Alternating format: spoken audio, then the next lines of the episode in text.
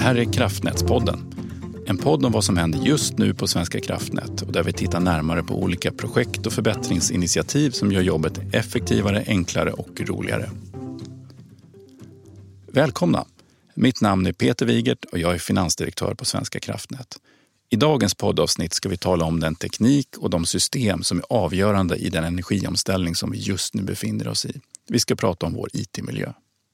De kommande tre åren ska vi på Svenska kraftnät investera närmare 23 miljarder kronor i utbyggt transmissionsnät och 4 miljarder i nya plattformar för att styra och balansera transmissionsnätet.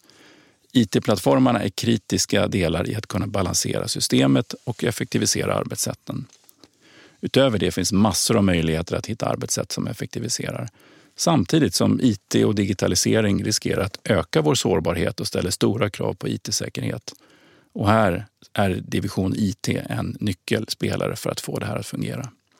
Nya digitala verktyg, applikationer och plattformar kommer att spela en avgörande roll i arbetet med att göra Svenska kraftnät effektivare. Med mig här i studion så har jag en gäst som ska berätta hur allt det här ska gå till. Välkommen Lars Jansson, chef för division IT och CIO. Tack, kul att vara här. Så division IT ansvarar för drift, förvaltning och utveckling av verkets digitala system samt IT-infrastrukturen. Så förklara hur ert arbete påverkas av den energiomställning som vi just nu är inne i. Det påverkar enormt mycket. Hela energiomställningen är en stor omställning för hela Svenska kraftnät och självklart för division IT. Ehm, och det betyder egentligen en högre takt i organisationen och, och alla leveranser rakt över hela Svenska kraftnät. Då. Från näts då, ökad hastighet egentligen utbyggnad och underhåll av nätet och till systemmässigt och hela divisionssystem då, med mycket nya IT-system, mycket nyutveckling och mycket saker som behöver komma på plats ganska fort egentligen. Då. För IT, division IT betyder egentligen att vi behöver både ha kapacitet men också hastighet för att möta det här. Eh, där vi både då ska vara med och stödja utveckling av IT-system men också då bygga ut det som är mottagaren då. Både när det gäller en, en ändamålsenlig IT-infrastruktur och basplattformar på plats så som att vi har en mottagande organisation. Så att energiomställningen är ju en, en ganska brutalt krav på ökat tempo egentligen där vi kanske historiskt sett inte har varit supersnabba. Så har vi levt för mycket i en värld av, av att det har varit sta, stabilt och kontinuerligt och ungefär samma? Jag, jag, tror att det är samma förutsättningar för IT som det varit för resten av organisationen egentligen. Att det varit ganska stabila år och nu börjar vi rampa upp väldigt fort. Då. Så att, eh, jag tror att vi följer de kraven på utveckling egentligen som resten av Svenska kraftnät betyder. Men, men det betyder också för vår del att det både, som jag sa det lite grann, det handlar både om kapacitetsutbyggnad men sen också behöver vi helt andra processer och verktyg egentligen för att kunna ha en högre utvecklingstakt än vad vi haft historiskt sett. Du brukar prata om att energiomställningen är en IT-omställning. Hur, hur bidrar då IT-divisionen till SVKs uppdrag? Jag, jag tänker generellt sett så rulla tillbaka till när vi var, jag tror det var 2019, så sparkade vi igång förbättringsprogrammet och då hade vi eh, chefsdagen, jag kommer ihåg det så väl, mm. hösten 2019. Och då när jag skulle dra den dragningen kring eh, förbättringsprogrammet, gick upp på scenen och så, så gjorde den retoriska frågan och sa att alla ni i rummet här, till alla chefer, alla ni som är beroende av IT, räcker upp en hand för det. Och det slutade med att alla chefer räcker upp en hand. Och, och lite grann där vi är då, utan att säga att IT är viktigare än någon annan, så förstår vi att IT har en viktig roll egentligen i allt det vi gör. Och allting då kopplat till vi pratar om de här målhuset egentligen, transmissionsnät med hög tillgänglighet och rätt kapacitet. Det, det är väldigt mycket kopplat till det IT-system som stödjer den här utbyggnaden. Vi har Alfresco för våra entreprenader och sådana saker. Att vi eh, skapar förutsättningar för digitala stationer etc. Så. Eh, så att, och samtidigt om du går över till, till eh, elsystem med hög leveranssäkerhet då, det är samma sak där. Då, att, att mycket av det här för att säkerställa tillgängligheten av de här systemen det är ju data egentligen och information. Då. Och där blir det IT-system. Så att både då att, att, gräva fram rätt data, säkerställa att det är rätt data, men också se till att det finns en tillgänglighet av systemen. Det blir IT, IT, IT i det. Och sen om vi kommer in på elberedskap då, som vårt sista kärnområde, då samma sak där egentligen. Vår kontinuitetsförmåga är också vår, kopplad till vår kontinuitet av IT-system egentligen, eller IT-stöd. Så, att, så att jag tycker vi vi behöver skapa värde egentligen inom, inom hela Svenska kraftnäts organisation egentligen. Och, och det tycker jag det är kul och samtidigt ansvar som vi måste leva upp. Det finns förväntningar på division IT. Så att när, vi, när vi hade den, när vi rullade tillbaka den till januari 2020 när vi blev en IT-division så stod jag där och var jätteglad och hade lika mycket ångest i magen för att det är fantastiskt, här har vi ett mandat egentligen men det är ju också lika mycket ett ansvar som vi måste kliva in i. Och är vi som organisation redo att göra det? EU kräver en integrerad europeisk energimarknad med högre digitalisering och automatisering. Samtidigt så slår vi om från fossila bränslen till förnybar elproduktion. Vad av det här påverkar ert arbete mest? Peter, det är en, en väldigt bra fråga och man kan väl säga så att bägge de två förutsättningarna kräver IT-stöd och IT-lösningar. Eh, den europeiska energimarknaden kräver mycket data och gemensamma, gemensamma europeiska IT-system. Då.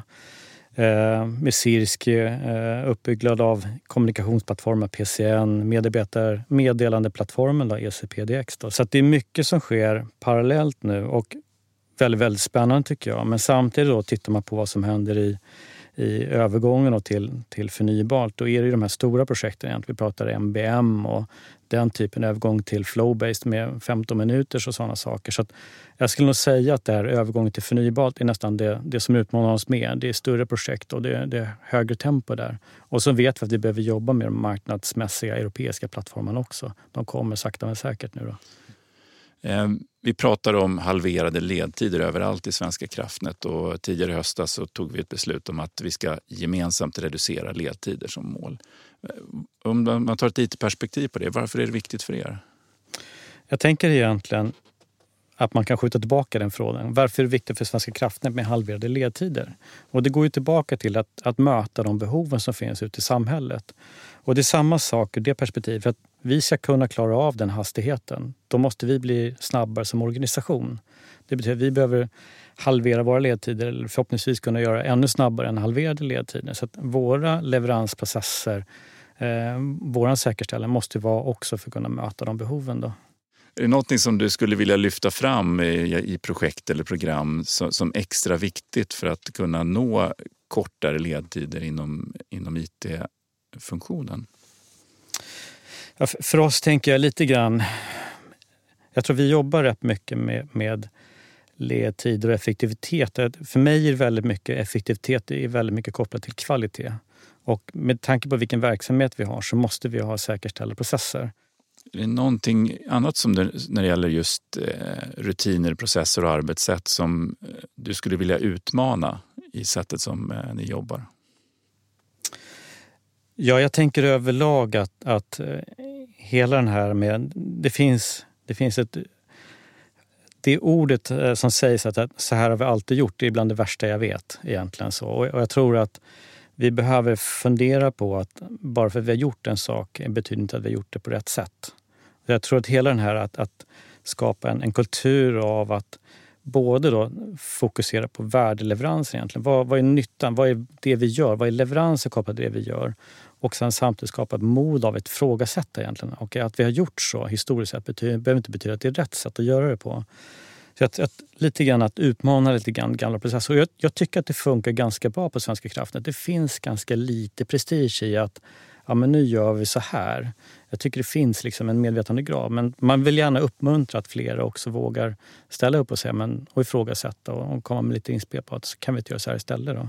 Vi körde igång effektiviseringsprogrammet för snart två år sedan och för att sätta fokus på att jobba effektivare, korta ledtider, spara kostnader och, och i längden då större samhällsnytta. Ser du några effekter från ditt perspektiv efter de här åren?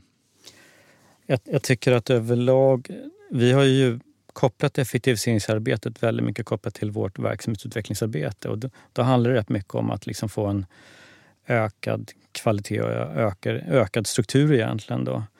Ehm, göra saker och ting rätt och på rätt nivå. Och jag, processutveckling tycker jag är bra. Men jag kan ta ett, ett exempel där vi jobbat med. Och det är våra, vad vi kallar för IPC-processer. Vad betyder IPC? IPC? ja, exakt. Eh, IPC står ju för Incident Problem och Change. Och det är ganska grundläggande, fundamentala eh, processer för alla driftsorganisationer egentligen. Då. Och där kan man ju se då att, att i och med att vi har en, en, bättre struktur och bättre arbetssätt egentligen och tydliga processer, tydliga ansvar och roller och sådana saker kopplat till det så kan vi se att vår kvalitet ökar. Och vi har betydligt mindre IT-störningar idag än vi hade tidigare. Och det fina i kråksången där, som jag tycker jag är bra att diskutera, det är att det skapar inte bara mindre jobb för IT och ITs organisation. Vi får mindre brandsläckningar, mindre felavhjälp med sådana saker. Men det skapar en effektivitet ut organisationen också. Så att tillgängligheten på systemen, mindre strul och sådana saker gör ju också att det fungerar bättre överlag. Så att jag skulle säga att det är en win-win ur ett effektiviseringsperspektiv. Då. Det pågår flera stora verksamhetsprojekt eh, som ska vara klara 2025 och framåt. Kan du inte berätta lite om de allra största och viktigaste och beskriva hur ni på IT-divisionen bidrar? Ta två exempel. Vi kan börja med ROSE. Eh, ROSE handlar om att vi ska byta ut vårt mest verksamhetskritiska system för kontrollrummet. Eh, vårt SCADA EMS. Eh, och till stora delar är det ett IT-livscykelprojekt egentligen där vi ska byta ut nuvarande system till ett nyare.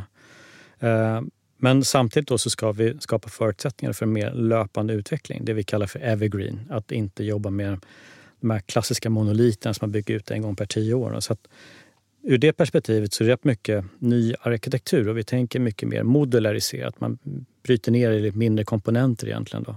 Så vi kommer inte köpa en stor modul och sen uppdaterar vi den var tionde år, om jag tolkar rätt? Nej men absolut. Och, och det, det, pågår ju också väldigt mycket i, inom resten av Europa, då, inom TSO, när man tittar egentligen på vilka system, vilka moduler vi har. Och det finns ju andra TSO i Europa som utvecklar vissa moduler själva. Och jag tycker det är en väldigt spännande utveckling överlag. Då.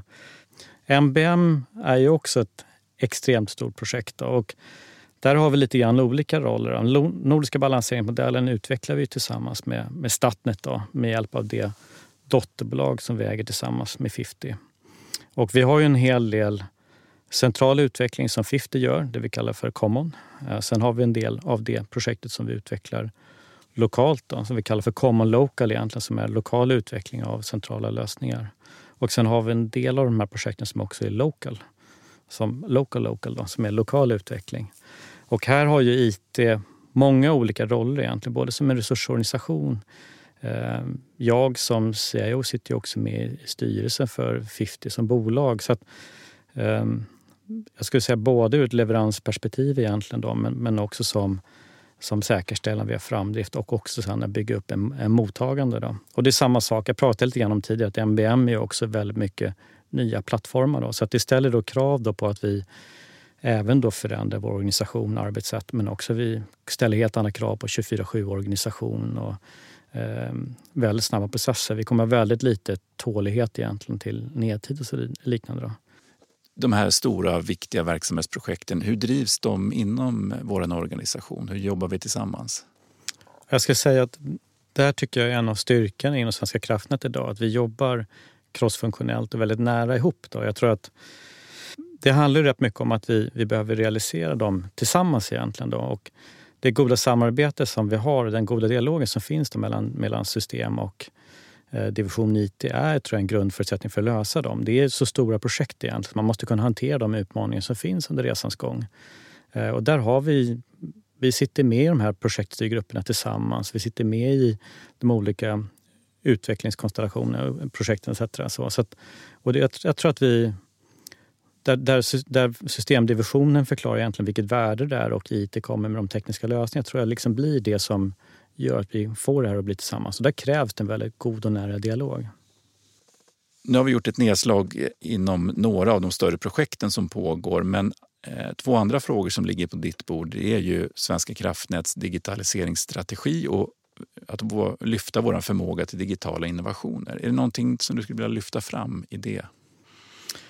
Absolut. Och jag tänker att digitalisering för mig det är en extremt viktig möjliggörare egentligen. Att vi kan använda den nya tekniken, nya processer och för att liksom både då digitalisering av kraftsystemet men också använda digitalisering som en, ett sätt att effektivisera, öka vår interna effektivitet egentligen. Då. Um, och det blir ju en balans då, hur mycket digitalisering klarar vi av samtidigt som vi har så mycket IT-utvecklingsprojekt. Och tittar man på vad som händer och sker, vi har ju jobbat med digitalisering historiskt sett med, liksom med individuella initiativ. Så det har ju liksom skett digitalisering tidigare år också. Med, med GIS och Internet of Things och de delarna. Men och ett av de absolut största digitaliseringsprojekten vi har det är egentligen MBM. Alltså vi pratar om att, automatisera delar av kontrollrummet. Och, så där tror jag att det är, vi gör bra grejer men vi behöver få lite mera tror jag, struktur och eh, att digitaliseringsprojekten egentligen mer får en strategisk satsning i sig så att vi inte gör ett initiativ som sen blir liggande egentligen, eller vi använder det men vi behöver tänka mer på hur kan vi rekapitalisera egentligen på de investeringar vi gör i digitalisering. Har vi liksom en, en bra lösning, då måste vi också fundera på kan vi använda det här på, i olika flera områden. Då? Alltså bygger vi upp en automatisering med hjälp av RPA, då ska vi inte göra den i en process på ett ställe Och nu ska vi fundera på hur kan vi rulla ut den här i stort, ett Svenska kraftnät. Så jag tror att, att mer jobba med strategisk digitalisering, det tror jag vi, vi kommer må bra av och det kommer vi satsa på under nästa kommande år. Det här med innovationen är ju en viktig del i att, att driva Svenska kraftnät framåt och vi ska utveckla mycket. Men å andra sidan ska vi också bibehålla, förvalta och drifta det som vi har idag. Hur, hur ser den balansgången ut? Är det någon konflikt i att göra både och samtidigt? Jag tänker att det är ingen konflikt i sig egentligen att utveckla och förvalta. Och pratar man om agila arbetssätt då, då slår man egentligen ihop de två arbetena till till en gemensam backlog. Utan det som jag tror att utmaningen finns här det är att eh, det säkerställa att det finns en, en, bra balans egentligen mellan det som är nyutveckling och det som är, är eh, förvaltningsarbete. Men vi kan inte bara bygga hus utan vi behöver underhålla dem också. Annars så kommer det grunden också, eller hur? 100 procent. Du har beskrivit eh, i detalj hur mycket som händer inom IT-området och hur viktig eh, IT-verksamheten är för att få kraftsystemet att ställa om och fungera. Men för att få det här att fungera så behöver vi också kompetens. Och det är en enorm kamp om IT-kompetensen. Hur påverkar det dina förutsättningar att göra det här? Hur prioriterar ni? Hur väljer ni bort när, när det är strid om att rekrytera? Man kan väl egentligen säga att det, det är två olika saker. egentligen. Att självklart så blir det så att all rekrytering tar kraft från organisationen. Så. Och både de resurserna som vi rekryterar in behöver vi ha en upplärning och blir inte produktiva från dag ett. Då. Plus alla chefer och medarbetare som är med i rekryteringsprocessen lägger ju massa tid på det. Så att självklart så påverkar det en del av vår produktivitet. Då. Eh, men vad vi, om, pratar om vad vi har valt bort egentligen, vad vi har prioriterat i den rekryteringsstrategi som vi jobbar med, så är det vi har prioriterat bort det som är konsultväxlingar primärt. Och det, även om vi vill öka antalet egna anställda och skapa en bättre balans så, så har det varit fokus mer kortsiktigt nu på att få in de resurserna vi kritiskt behöver för de här stora projekten egentligen för att kunna göra mottagarna av de projekten över till förvaltning. Då. Så det är väl lite grann det vi har prioriterat bort just nu. Vi skulle önska att vi har rekryterat ännu mer än vad vi gjort, då, men, men ja, så är det. Kommer vi klara att rekrytera i den takten som, som vi behöver? Jag känner mig eh, säker på det. Det är ju Sveriges häftigaste IT-jobb. Den borde stå på kö här. tycker jag. Ja, men så är det. Och jag, jag gillade vårt mod. Vi, vi kallar det för Sveriges eh, viktigaste IT-jobb. Och det var ju en det var ju redan taget egentligen av Försäkringskassan att gått ut med Sveriges viktigaste IT-jobb. Men vi, ah. vi sket i det och gick ut med Sveriges viktigaste IT-jobb för vi tycker att vi är det på riktigt. Då. Men det har varit, I år har det varit från att vi fått tilldelning av eh, nya resurser, egentligen, nya tjänster från föregående år egentligen, har det varit delvis tycker jag en trög start. Och vi behöver vi förbättra vår förmåga egentligen. Och vi har jobbat med budskapsplattform, vi har jobbat med att liksom öka vår rekryteringskapacitet och få med mer resurser och bättre rekryteringspartners och sådana saker. Så det har varit en startsträcka men jag tycker att eh, vi har kommit väldigt bra. Jag tycker vi har väldigt bra crossfunktionellt arbete. Vi jobbar ihop med HR, vi jobbar ihop med kommunikation. Vi har superfint samarbete tycker jag att ta oss dit. Så att, och vi har bra struktur för hur vi utvecklar arbetet vidare. Då. Så nu har vi en bra plattform för att kommunicera våra behov. Vi har kampanjer ute och snurrar. Vi har rekryterare på plats. Vi tittar på nya rekryteringspartners och sådana saker. Så jag, jag, jag känner mig ganska konfident med att det vi inte löser idag kommer vi utveckla för att kunna lösa det imorgon. Då. Så vi, vi kommer klara av de rekryteringarna. Det, jag, jag tror på det. Vi har ändå Sveriges coolaste och viktigaste arbetsplats tycker jag. Och jag, jag, tror att när vi väl når ut med det så kommer folk tycka att ja, men här är det ett samhällskritiskt uppdrag. Vi jobbar med kontinuitet, vi jobbar med totalförsvarsfrågor och samtidigt så skapar vi förutsättningar för energiomställningen. Det, det är svårt att tacka nej till det tror jag. Ja, apropå rekrytering, Lars, du kom hit eh, till Svenska kraftnät från Apoteket. i början på 2019. Anade du då vilka förändringar som skulle ske på Svenska kraftnät? Eh, Vad vi stod inför? Ja, exakt. Det är en bra fråga Peter. Och jag tänker så här, det korta svaret är nej. och jag tror att det, det, är... Och det tror jag alltid när du tittar utifrån in i en organisation så är det alltid en bild på hur det ser ut och vad du tror att det är. Och det är klart att det blir alltid en, en, liksom en reality check när du väl kommer in dit. Men självklart så var det svårt att förstå hela stormens öga egentligen kopplat till energiomställning och allt utvecklingsbehov vi har. Så att, Eh, nej, det såg jag inte. Och, och självklart så är det ju det är utmanande för oss som, som IT-division. Men jag tänker också så här, det, vi är inne i liksom ett unikt och historiskt ögonblick. Jag tycker vi får inte glömma, vi får inte glömma bort att njuta av stunden tycker jag, även om det är liksom jobbigt eh, från vissa dagar till den andra så att säga. Men vi kommer vara stolta över det här när vi tittar tillbaka på vad vi har åstadkommit. Tack Lars för att du var med i dagens avsnitt av Kraftnätspodden och tack för dina förklaringar om hur utveckling av nya digitala verktyg och arbetssätt är en förutsättning för att nå Svenska kraftnäts långsiktiga mål. Det börjar bli dags att runda av, men innan vi gör det tänkte jag testa dina kunskaper. Ja. Hur många utlandsförbindelser har Sverige med andra länder? Och då pratar vi elöverföring då, såklart. Ja, men precis. Och det är ju en... Och inte svara så mycket som andra tidigare ministrar då, eh, så måste jag väl blotta lite grann på... Jag vet nog inte exakt hur många förbindelser vi har. Jag gissar på att vi är en 14-15 någonstans där. Mm. Totalt 16 totalt 16 utlandsförbindelser. Och då är det ju, som exempel så är det ju två kablar till Finland och det, det är två kablar till eh, Jylland och det är flera till Själland och så vidare. Så att, men om man summerar 16 stycken. Jag tror att jag har hyfsat bra koll på vart våra förbindelser går men inte hur många de ligger, tänker jag. Så tack så mycket för att ni lyssnade och tack till dig Lars för att du var med i Kraftnätspodden. Eh, vi kommer följa ditt arbete med stort intresse.